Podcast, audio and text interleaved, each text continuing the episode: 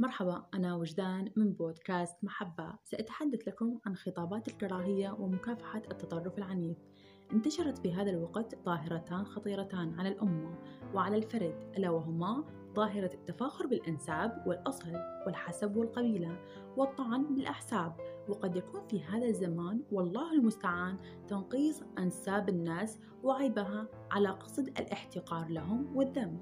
كثير من الناس يتفاخرون بأنسابهم. دون أن يكون في هذا النسب ما يدفع عنه عذاب الله يوم القيامة. فقد يكون الفخر لمجرد أن الأب غنيا أو ذات منصب عالي إلا أنه لن ينفعه منصبه يوم نقف أمام الله سبحانه وتعالى. ليطلع كل منا على ما قدمت يداه. فالتفاخر بالأنساب محرم وهو من خصال الجاهلية المذمومة.